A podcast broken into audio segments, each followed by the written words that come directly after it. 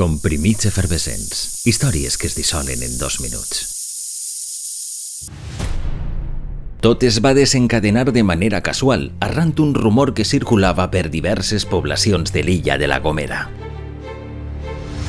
Un comentari que, arribat a les oïdes adequades, posaria en alerta un equip de zoòlegs de la Universitat Canària de la Laguna. No tardarien en descobrir que no es tractava d'un rumor infundat.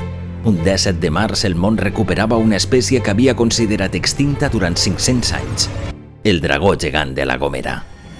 Molts mitjans es feren ressò d'esta magnífica notícia per a la biodiversitat del planeta.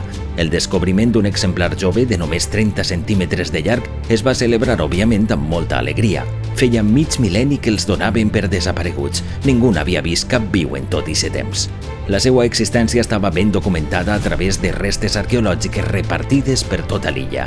L'esperança per a aquesta espècie endèmica renasqué gràcies al treball d'un equip de científics que va aconseguir localitzar una minúscula colònia en una de les zones més inaccessibles de l'illa.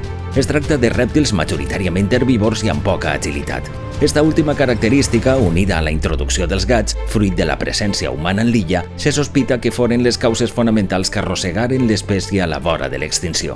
La seva protecció i recuperació han donat esperança als dragons gegants de la Gomera, que actualment superen els 500 exemplars, 17 anys després del seu redescobriment, un 17 de març de l'any 2000.